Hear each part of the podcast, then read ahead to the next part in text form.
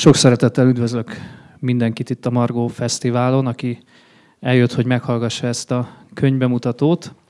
Janikovszki Éva Naplóm 1938-1944 című könyvéről fogunk beszélni, mégpedig Janikovszki Éva fiával, Janikovszki Jánossal, aki nem csak azért ül itt, mert az ő édesanyja írta a naplót, hanem azért is, mert tevékeny része volt abban, hogy ez a napló most az olvasók elé kerülhet, illetve Dési János, a másik vendég, aki segít nekünk bemutatni ezt a könyvet, aki pedig képeket válogatott ehhez a kötethez, írt egy remek utószót is, illetve neki is tevékeny része volt abban, hogy most ez a napló végre hozzáférhető.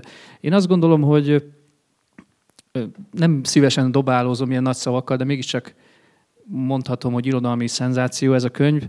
Egyrészt azért mondhatom, mert olvastam többször is, és tudom, hogy, hogy nagyon sok olyan információ is van benne, amely eddig még nem látott napvilágot, és Janikovszki Éváról is árnyalódni fog az a kép, amivel rendelkezünk, hogyha valaki ezt a kötetet elolvassa. Az első kérdésem Jánoshoz, hogy hogyha megnézzük, most 2020 van, ez a napló, ahogy ott áll, 1938 és 44-ben íródott. Tegyük hozzá, hogy Janikovszki Éva akkor 12 éves, mikor elkezdett a naplót, és 18 éves, amikor abba hagyja. Hát, és ugye az írónő most már 17 éve nincs közöttünk. Tehát ennek a naplónak van egy útja a megírástól egészen addig a megjelenésig. Mi az, amit ebből az útból te láttál, mi az, ami története, a sorsa ennek a naplónak, és neked mi volt ebben a részed? Hát ez a napló, hogy itt lehet most a kezemben már tegnap óta így bekötve, nekem ez egy öröm és egy óriási megkönnyebbülés. Ugyanis az embernek, amikor ilyen anyukája van, akkor van egy csomó feladata. Van is egy írása anyámnak, hogy kinek gyűjtögetünk.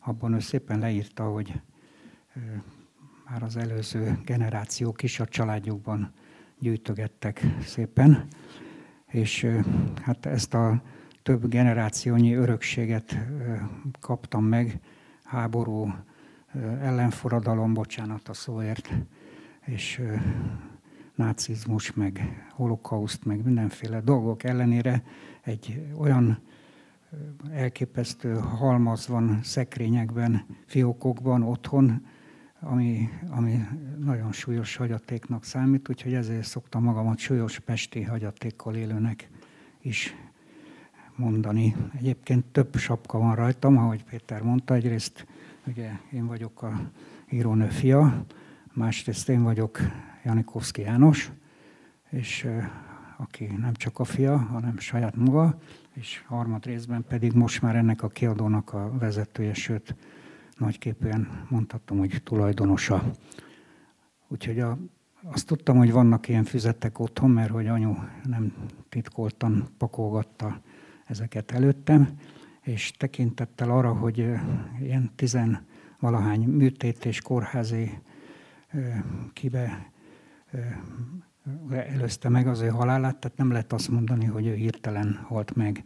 Ennek következtében azt is nyugodtan kijelenthetem, hogy lett volna ideje ezeket a naplókat megsemmisíteni, vagy mit tudom én, hogy eltakarítani, de nem volt szándéka, úgyhogy bizonyára most föntről nagyon örül, hogy ez a könyv megjelent.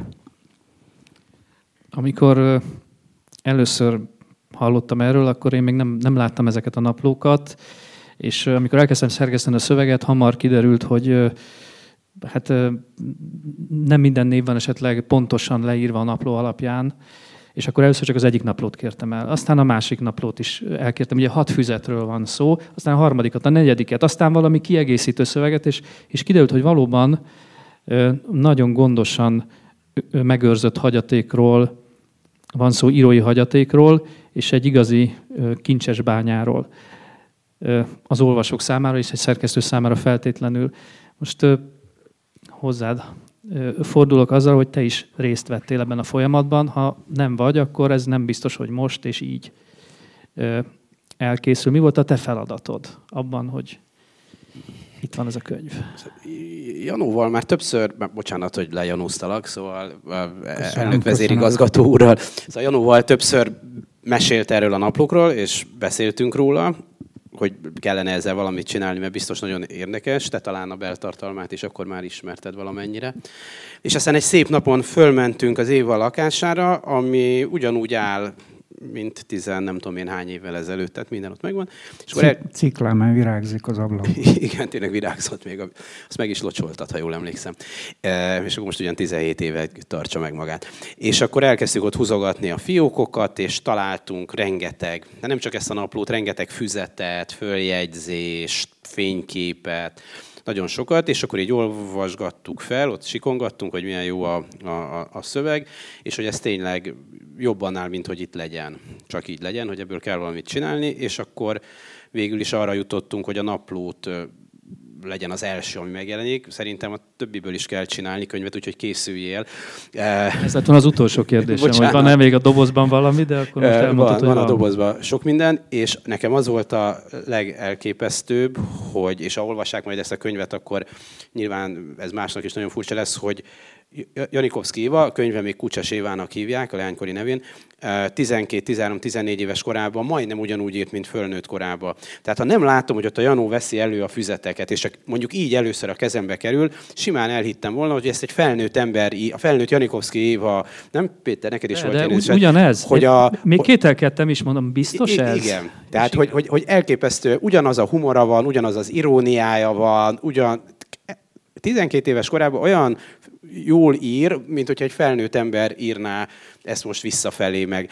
És a másik, amiről Janó is beszélt, hogy azért nagyon sokszor szerepel a szövegben, hogy ezt ő az utókornak írja több, többször benne van, hogy majd az unokáim mit fognak szólni, amikor elolvassák, majd nagyon meg fognak lepődni, mert nem tudják letenni a naplót, és ezért lekésik a holdba induló járatot miattam, és majd akkor mit fognak mondani a szegény nagymamájukra, hogy miattuk lekésik a holdba induló járatot. De szerencsére nem indul ma még hold, holdba járat, úgyhogy simán el lehet olvasni. Ez, csak erre hagy reagáljak, hogy 1939. november 14-én, tehát 81 éve azt írja Janikovszkéva. Most ezentúl elhatároztam, hogy naplót írok, mert nagymama koromban írtó guszta lesz elolvasni, és különben is szokás.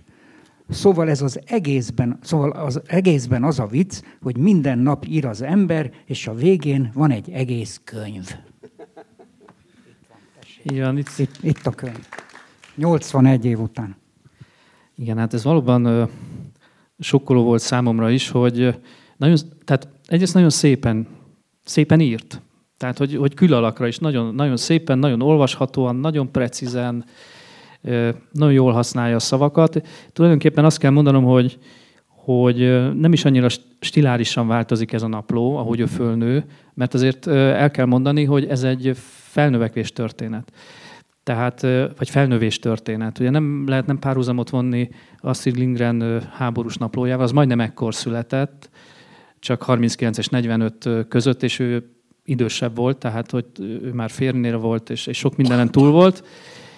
De hogy akkor is nagyon érdekes megnézni, hogy az a háború története. Ez pedig a háborúban, vagy a vészkorszakban egy fiatal lánynak a felnövés története. Az első szerelmek, története, az első csalódások története, és valahogy nem is a stílus változik, hanem, hanem az, ami a stílus mögött van, maga az ember változik, és ezért megrázó ez a napló különösen. Nem csak az jutott eszembe, hogy van benne egy rajz, hogy a különböző pasikkal, mert rengeteg szerelmi történet van benne, egy ilyen szerelmi hőmérő, és akkor be van írva Gabi, 17, nem tudom én kicsoda 28, és Feri, aki a férje lesz, az azt hiszem 100. És akkor így beosztják a fiúkat, és akkor van ilyen például, biztosan tudja, hogy mikor van, hogy, hogy kik a leghelyesebb fiúk az osztályban, és akkor felírja, hogy Gabival kezdően, de ez csak a mai sorrend, holnapra ez simán változhat.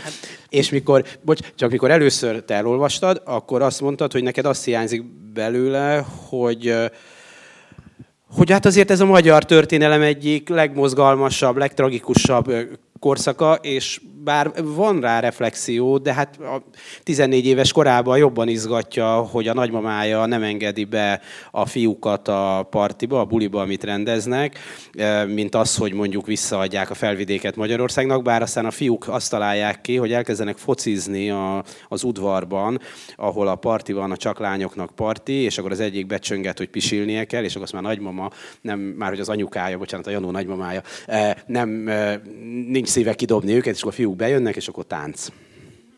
Mert az, az, az nagyon érdekes, ugye, hogy tudják, ugye nincs koedukált oktatás, tudják, hogy az egyik gimnáziumban mikor fejeződik be a tanítás, akkor oda mennek, itt bámulják a fiúkat a barátnőivel, és átolnak a másik gimnáziumba, ahol fél órával később csöngetnek ki, és akkor őket is, ö, ő, őket is ö, stírölik, és hát a nevekkel kapcsolatban bizony hát sok fiú név előfordul, és amikor névjegyzéket állítottam össze, akkor böngészhettem a, a tablókat, és azért jó ízlése volt. Tehát, hogy, hogy akkor láttam, láttam ezeket a fiúkat, akik itt általában három-négy évvel idősebbek voltak, mint ők, mint, mint, mint Janikovszki Éva, és hát, hogy mondjam, jósvádájú gyerekek voltak. Hogyha esetleg van egy ilyen részleted, ami kicsit idevág, akkor... Hát nem akarok túl sokat olvasni, mert nem is vagyok nagyon jó olvasó, de mindegy.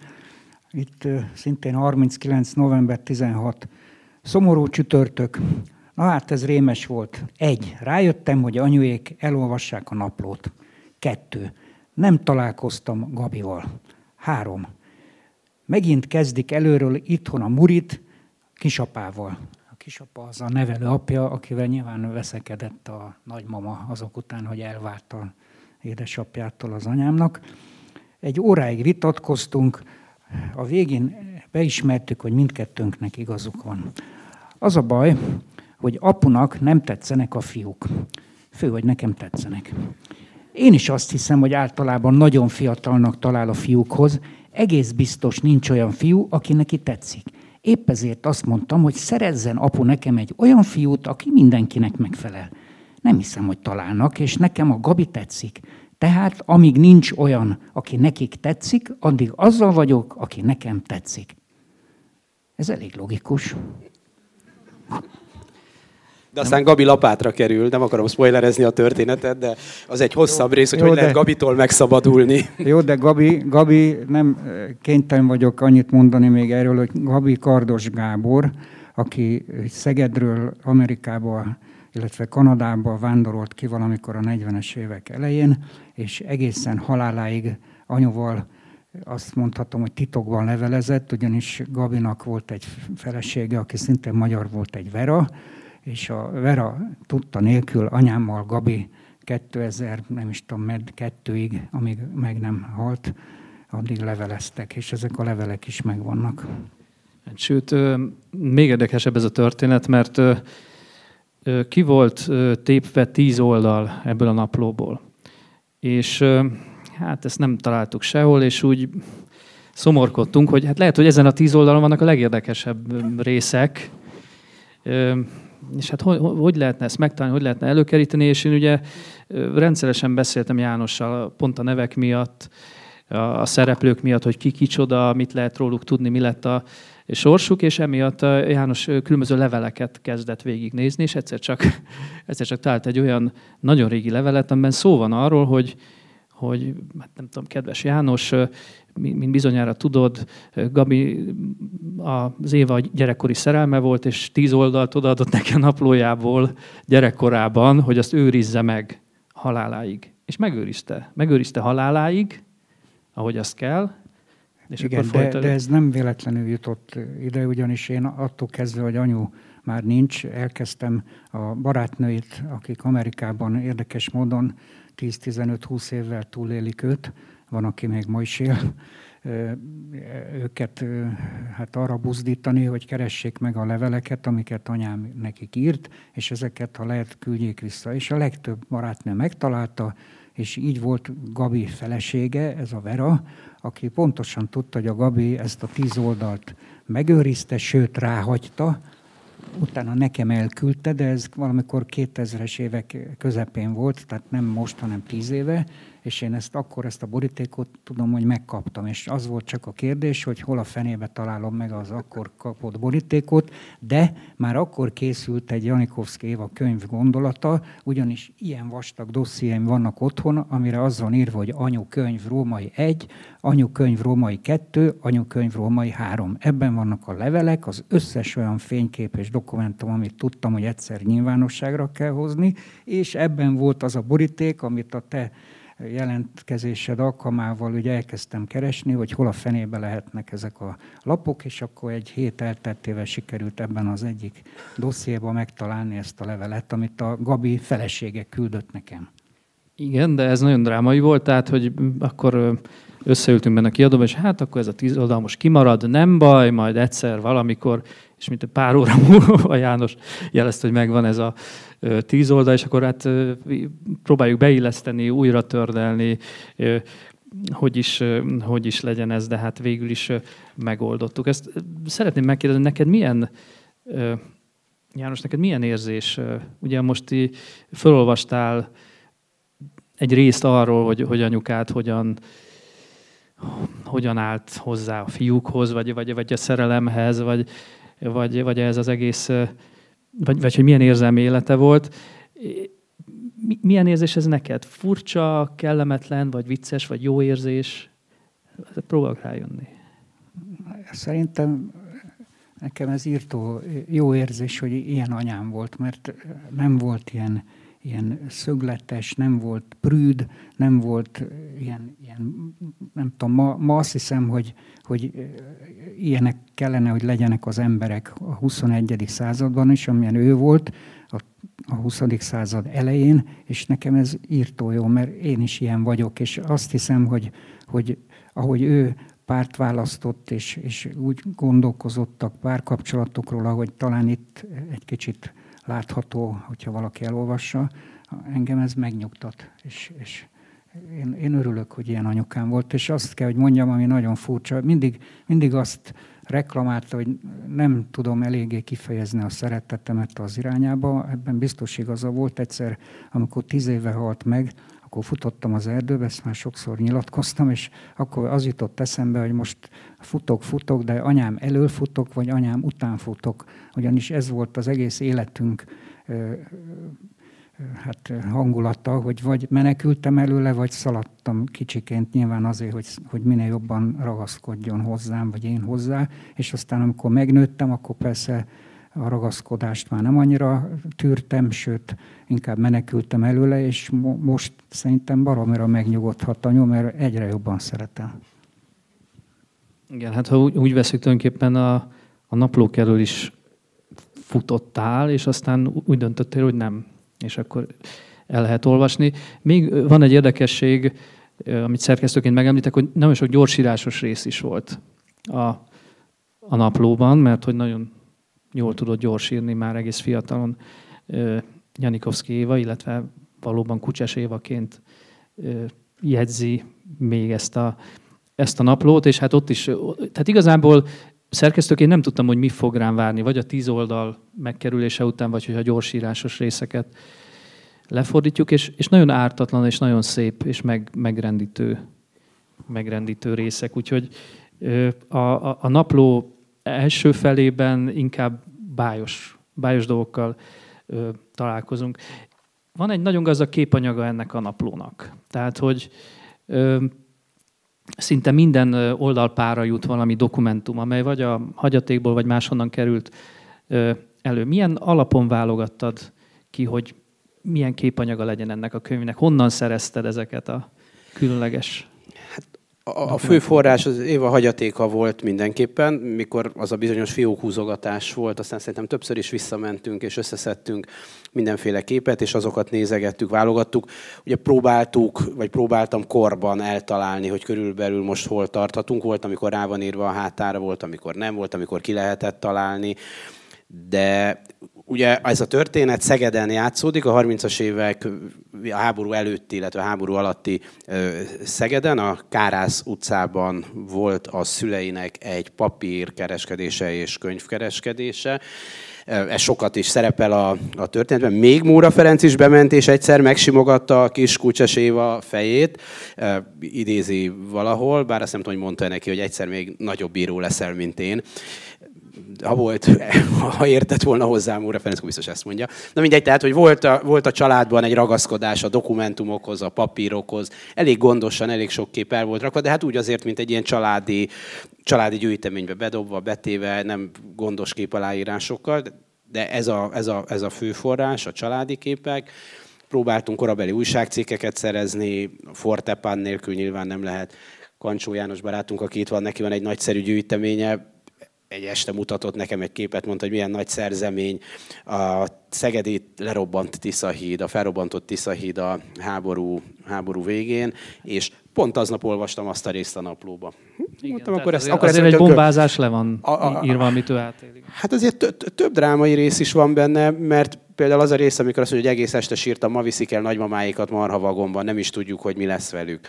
Akkor ugye benne van az a rész, hogy az anyukája fölírja egy papírra, hogy miért nem vonatkozik rá a zsidó törvény. Hát itt most rá is fordultál arra, ja, amiről akartam tőled kérdezni, nem, de akkor meg is ragadom az alkalmat, hogy, hogy hát Janikovszki Éva zsidó származású volt, pontosabban az édesanyja zsidó származású volt. Ő viszonylag mégis jól átvészelte a háborút, az édesanyját sem ö, vitték el, a nagyszüleit már igen.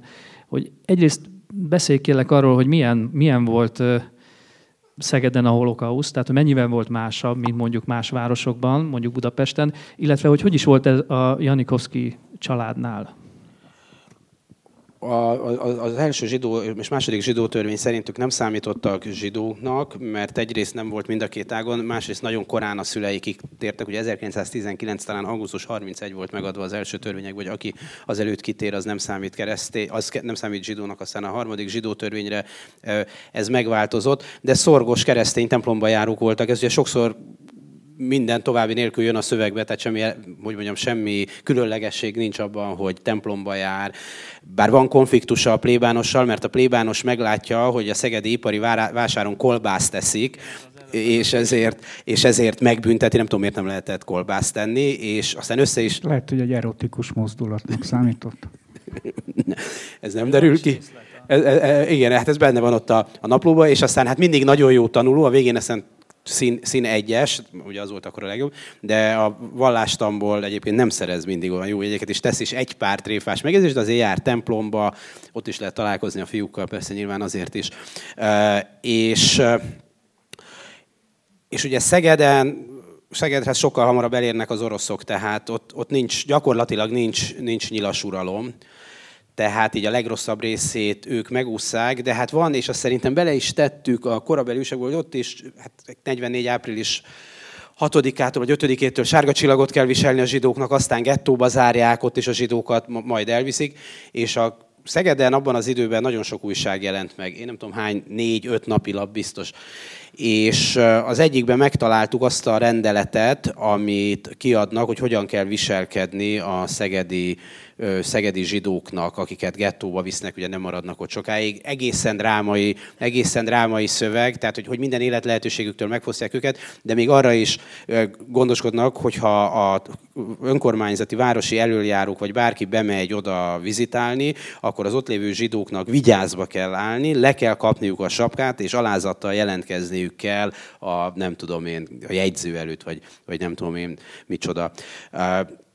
És aztán Szerintem egyetlen egy rész van, amit úgy tettünk be, hogy nincs benne a naplóba, mert a napló 44-ben az érettségi idején meg, megszakad, és arról utána van utalás rá, hogy ott vele mindenféle történt, de, de az nincs benne a naplóba, és egy későbbi az is egy levél volt, vagy egy interjú, most már nem is emlékszem, amit utólag beraktunk, ahol leírja, hogy elmegy érettségizni, kitűnő tanuló volt, az iskola szép e, magyaros díszegyenruhájába, és az érettségi elnök hazazavarja, hogy itt zsidók nem öltözhetnek így fel, és nem, nem hordhatnak díszes magyar ruhát, és nem tudom, micsoda. És akkor á, hazamegy, átöltözik, és, és nagy nehezen természetesen kitűnőre, de végül is le, leérettségizik annak ellenére, hogy, hogy elzavarják, de hát ebbe belebetegszik ebbe a történetbe, és valószínűleg azért sem ír naplót, mert ez a későbbi szövegből kiderül, hogy akkor több hétig, több hónapig talán, talán beteg volt, és, és van erős célzás arra, hogy annyira megrázta őt, hogy kizárták az iskolából, ami persze semmiség ahhoz képest, hogy ha két várossal arrébb születik, akkor, akkor Auschwitzba viszik esetleg, és egyáltalán nem biztos, hogy hazajön. És vannak benne még egy, egy hasonló dolog, például az unokatestvére Laci, akit elvisznek munkaszolgálatra, és írja a naplóba, hogy úgy viszték el őket, hogy nem volt náluk téli ruha, és elviszik, és nagyon fázik, és megtaláltuk Lacinak a kézzel írt levelezőlapját, amiben azt írja, hogy nagyon fázom, küldjetek nekem, nem talán Erdélybe viszik őket, azonnal küldjetek nekem meleg ruhát, mert, mert megfagyok. Úgyhogy túlélik, de, de úgy, hogy a nagyszüleik nem, és aztán persze a történet egyáltalán nem szép, mert elveszik a, a későbbi időkben, és ez majd a következő kötetben megcsináljuk, mert megtaláltuk a dokumentumait, hogy elveszik a, ugyan túlélik a holokausztot, de a kommunizmust már épp, hogy akkor megint elveszik a vagyonokat, megint államosítják a boltukat, megint kifosztják az egész családot, bár kétségkívül az életüket akkor már nem veszélyeztetik. Hát igen, egy kicsit ö, ö, előre szaladtunk, tehát tulajdonképpen ki is derült, hogy hogyan érinti őt a, a zsidósága, de én nagyon, én megnéztem is, hogy a zsidó szó összesen háromszor fordul elő, és kicsit távolítja is magától, ami, ami érthető, illetve van egy nagyon érdekes mondás, azt mondja, hogy én vagyok az ütköző az osztályban, írja az egyik bejegyzésben, mert én egyformán jobban vagyok a zsidó lányokkal és a, a keresztényekkel is. És amikor hát kutattam ezeket a neveket, akkor, akkor láttam, hogy kutattam azokat a neveket, akik felmerülnek ebben a naplóban, akkor nagyon sokukat azért ilyen holokauszt áldozatlistán találtam meg sajnos. Egy részük valóban külföldre emigrált, és voltak olyanok is, akik, akik nem zsidó származásúak voltak, és aztán szép karriert futottak be. Tehát ez egy nagyon-nagyon vegyes társaság volt, de azért van egy nagyon emlékezetes megjegyzése, ugye, amikor még talán 39-ben fölírogatja, hogy mi szeretne lenni hogy nem tudom, balettáncos, mit tudom én, most mondom, áprilisban balettáncos, májusban operaénekes, júniusban árja. Tehát azért érzékelte ő azt, hogy, azt, hogy mi ez a helyzet, amiben van. Nem tudom, találtál esetleg valami olyan részletet, mert annyit bejelöltél, ami... Most, amit a János mondott, hogy, hogy beteg lett, amikor nem sikerült leérettségizni, itt van egy, egy ilyen rövid részlet, amit esetleg felolvasnék. 1944.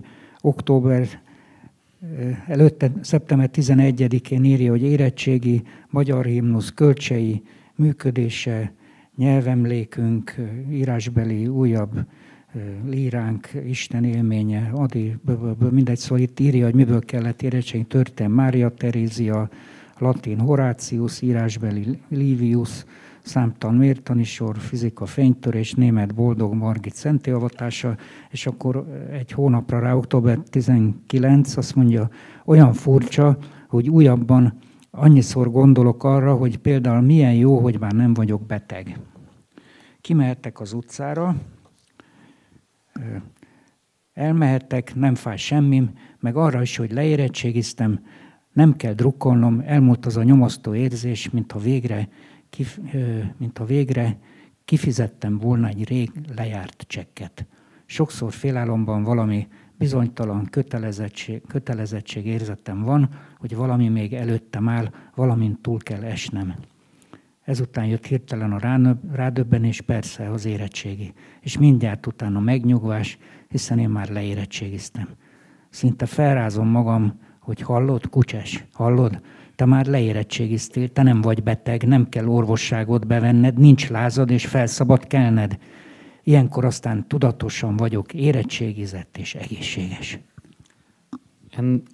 Ennek a résznek egyébként az az érdekessége, hogy, hogy ő azért kitépkedett ezt azt a naplóból, vagy esetleg más füzetekbe írta be, és például ezt a részt, és még egy ehhez kapcsoló bejegyzést, ezt egy másik füzetnek a hátuljában találtam meg, amikor, amikor erről beszéltünk. Tehát elég nagy lelki életet élt, és, és kitépett dolgokat, de nem, nem, dob, nem dobott el szinte semmit. Tehát szinte minden megvolt, de annak volt egy funkciója, hogy ő kitépte, eltette és valahova, valahova oda tette. Hát, csak egy mondat még arra, amit a János mondott. Tegnap találtam meg azt a levelet, amit a nagymamám, tehát az ő anyukája írt, a nem tudom én milyen intézménynek, vagy, vagy, vagy hivatalosságnak, hogy a gettóból adják vissza a bútorokat, és föl van sorolva a nyolc darab bútor. Szerintem lehet, hogy benne is valami, van, nem? Nem, nem tudom, egészen, de 50-es évek, ez, Aha, vagy igen. 50, valami ilyesmi, vagy 48, nem tudom, tehát valami egészen elképesztő, hogy hazajöttek a,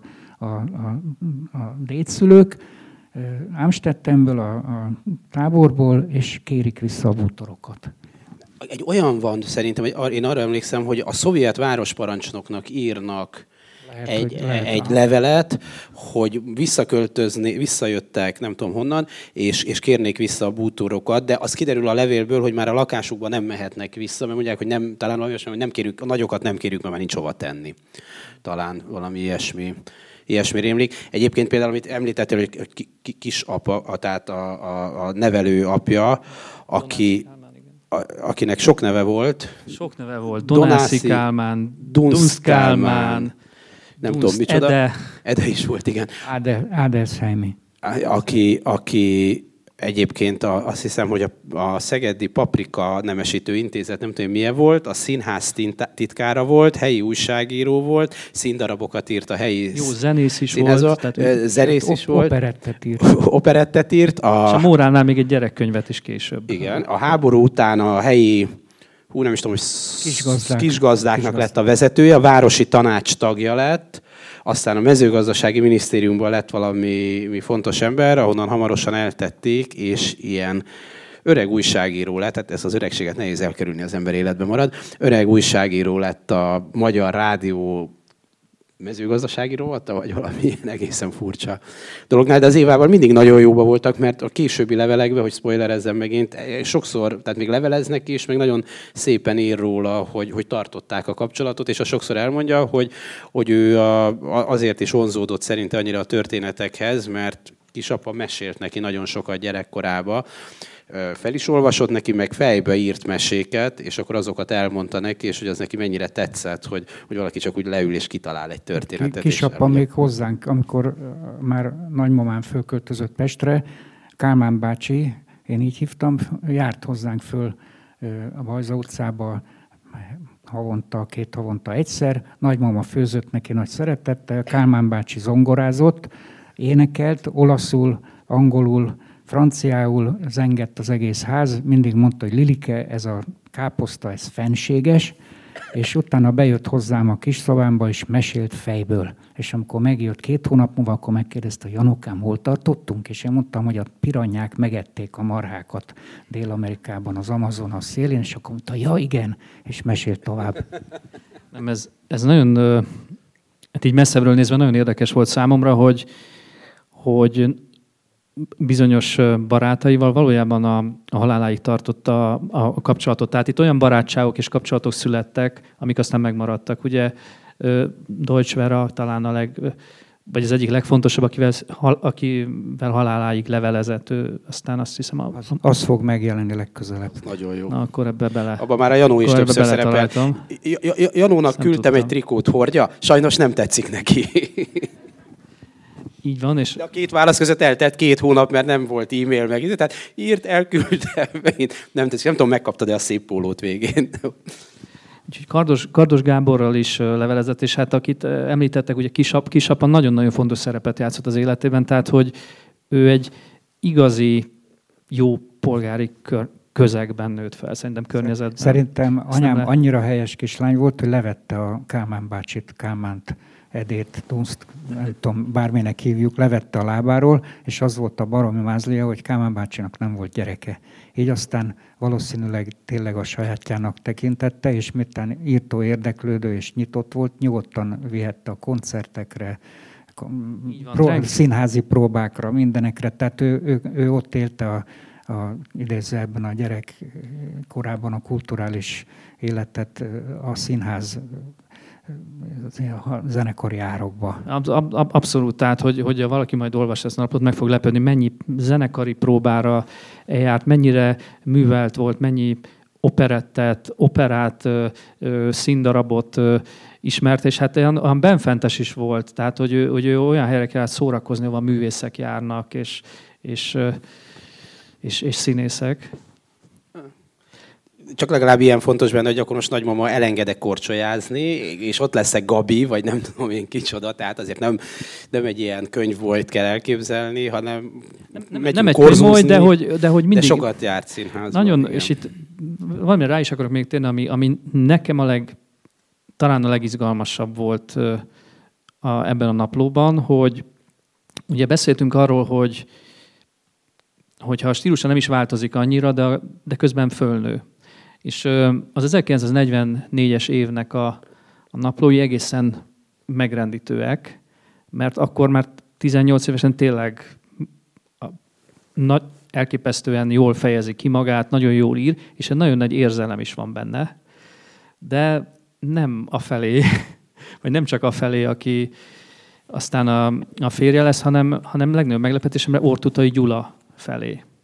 Tehát neki volt egy titkos szerelme, egy, egy plátói szerelme, Or, Ortutai Gyula, és tulajdonképpen a mondjuk 40, 43-ig ezt a naplót csak úgy írja, vagy azt mondja, drága naplom, drága naplim, naplim, naplim így szólítja, főleg, főleg gyerekkorában, meg, és akkor tényleg beszél arról, hogy hát szeretném, hogyha ez, ez majd az unokáim a, a holdba tartó buszon elolvasnák, vagy lehet, hogy nem pont így írja, de, de, de hasonlóan, és aztán váratlanul 44-től már valakinek cím, címezi ezt a naplót. Tehát onnantól tulajdonképpen ezek a naplóbejegyzések levelek.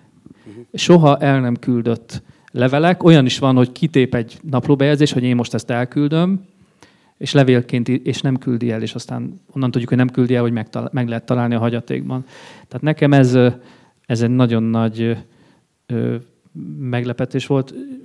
János, nem tudom, hogy Ortutai Gyulával ő aztán mennyire tartotta a kapcsolatot. Tartotta, ha... János keresi, mert megvannak a későbbi levelei, tehát még a 60-as, 70-es években van olyan levél, hogy ha, ha itt vagy, akkor gyere föl hozzám. Tehát, hogy leveleztek, bár mondjuk az egy elég bájos, az egyik nekem az a kedvencem, hogy Janikovszki Éva elvtár, Ortutai Gyula a néprajzi tanszék vezetője volt, azt hiszem, Ortita, Ortut, és körülbelül magát is elvtársnak szólítja Ortutai Gyula abban a levélben, és Janikovszki Éva elvtársnak, Lenin körút 911 a munkahelyére írja, és kedves Éva, és egy ilyen nagyon kimért levelet ír neki, amit láthatóan le van gépelve, a titkárnővel legépeltetett. Ortutai Gyula elvtárs. Hát én gyerekként nem tapasztaltam, hogy anyám az apámon kívül bárkihez vonzódott volna. Ez sokkal, sokkal, sokkal előbbi. Tudom, tudom, de ennek ellenére ugye ez a levél, ami ebben a könyvben is szerepel, ez ilyen 60-as, 70-es évekből is származó levél talán, és az a döbbenet, hogy Ortutai Gyula abban az évben halt meg, amikor az apám. Tehát ha, tehát ha anyámnak véletlenül lett volna még bármi elképzelése, hogy kivel élne szívesebben, vagy, vagy élne, mert hogy gyűlölt egyedül lenni, az egyértelmű volt, akkor, akkor ezt a régi gyerekkori szerelmét is apámmal együtt vesztette el, ha lehet erről így beszélni, nem tudom, furcsa nagyon. Bár, bár nem teljesen egyértelmű, hogy a, neki az ilyen lelki barátja az ortutai öccse, ha jól emlékszem. Laci, Laci, Laci aki meg aki, azt hiszem öngyilkos lesz. Aki öngyilkos lesz nem sokkal a háború, háború után, és, és, és neki, neki ír, ír több levelet, ha jól emlékszem. Alapvetően a Gyulának, ugye a Laci, a Lacin keresztül a Laci ismeri a postás, meg a, a, igen, a Lacin keresztül ismeri meg a Gyulát, és talán van egy röpke valami, amíg a Laci is egy picit tetszik neki, de, de, de alapvetően... A Laci ilyen barátszerű. A Laci, tehát... Laci egy barát. Viszont az, az meg nagyon érdekes, hogy, hogy én, én azt gondolom, hogy egyszerűen nem értek fel hozzá se intellektuálisan, se érzelmileg a hasonló korú fiúk, tehát hogy nagyon, nagyon tendenciózusan a nála idősebb, tehát valószínűleg van egy olyan műveltsége, meg egy olyan gondolkodása, ami miatt egyszerűen keresi az idősebb férfiak társaságát. Szerintem, ha mondjuk nem tudnánk, hogy hányba született, és úgy olvasnánk a naplót, jó pár évvel idő, vagy én jó pár évvel idősebbnek gondoltam volna. Tehát én mikor először elolvastam, többször visszalapoztam, hogy ez biztos, hogy 39-es, biztos, hogy egy 10 éves elején járó kislány írja. És egyébként ebben az időben lesz egy férje, Fábián, Fábián Ferenc. Ferenc, egy helyi újságíró, tehát nyilván ő is idősebb, egy jó tízessel, vagy még többel. És az nagyon érdekes, hogy például a nagymama elviszi őket új, új, új Szabadkára, Újvidékre mennek el? Új, vidékre, Elmennek, igen. és akkor leírja, és akkor hát akkor van először, hát nem kettesben a jövendő férjével, mert a nagymama is ott van, de a nagymama elég lazán engedi a fiatalokat, hogy ottan bulizzanak, meg táncoljanak, meg nem tudom én hova járjanak, és akkor aztán ez a házasság nem tarthatott nagyon sokáig, ez már nincs benne a naplóban, csak úgy ki lehet következtetni, hogy, hogy, hogy egy-két éven belül véget ér. De azt látom a későbbi levelekben, hogy például Fábián Ferenc édesanyjával még, a, még az 50-es, 60-as években is levelezett. Azt nem látom, hogy Fábián, vagy azt nem találtuk meg, nem tudom, te láttad, de, de hogy a, a, a Fábián Ferenc édesanyjával még nagyon sokáig levelezett, azt, azt, azt látom, látjuk, mert találtunk ilyen leveleket. A, mielőtt még Jánost megkérem, hogy így búcsúzó, illetve az esetleges kérdések előtt olvasom fel egy részt. Hát ugye magamat sem nem tudom megkérdezni, ezért csak így elmondom, hogy ami nekem a leg, vagy így irodalmának a legérdekesebb volt, és szerintem ez, ez másoknak is érdekes lesz, hogy, hogy egy olyan, hogy, hogy én azt, tehát, hogy ismerünk egy Janikovszkéva hangot, leginkább ezeket a gyerekmonológokat illetve ismerjük a késői írásait, meg, meg ismerünk tőle regényeket, és, és benne, benne van a gyerek monológok hangja nagyon hamar, tehát látszik, hogy ez neki megy. Már csak azért is megy gyerek, és, és ezek gyerek monológok, tulajdonképpen ezek a bejegyzések, de van egy teljesen másfajta írói hang is, ami, aminek aztán egy picit nyomavész.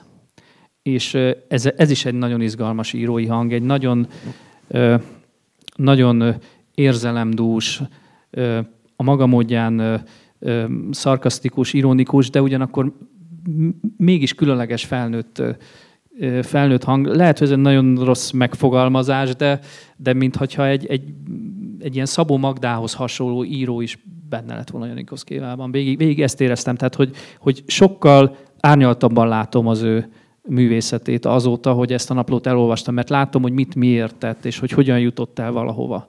Ezek hihetetlen könnyedén, nagyon, nagyon nagy stílusérzékkel megírt szövegek, úgyhogy nagyon kíváncsi vagyok, hogy a Janikovszki recepció hogyan változik majd a napló hatására. Bocsánat, csak hogy egyrészt Szabó Magda neki jó barátnője igen, volt, igen, és, igen. és sokat leveleztek. Másrészt azt el kell mondani, hogy az, hogy ez a könyv ilyen lett, és ilyen alapos, és ugye hát meg kellett fejteni egy csomó dolgot, a neveket, nem tudom, az, az abszolút a Péter érte, érdeme, aki iszonyatos filológiai alapossággal nyüstölt minket, meg magát is, mert én ilyen napilapos egyszerűséggel azt mondtam, hogy majd írunk egy hasonló szót oda, nincs annak jelentősége, senki nem fog reklamálni, és azt mondta, hogy nem, nem, azt meg kell keresni, nem lehet kitalálni, mert mikor jelent meg ez az újság? Hát mondom, írjuk oda, hogy 44. július 2. Nem, hát ezt meg kell nézni.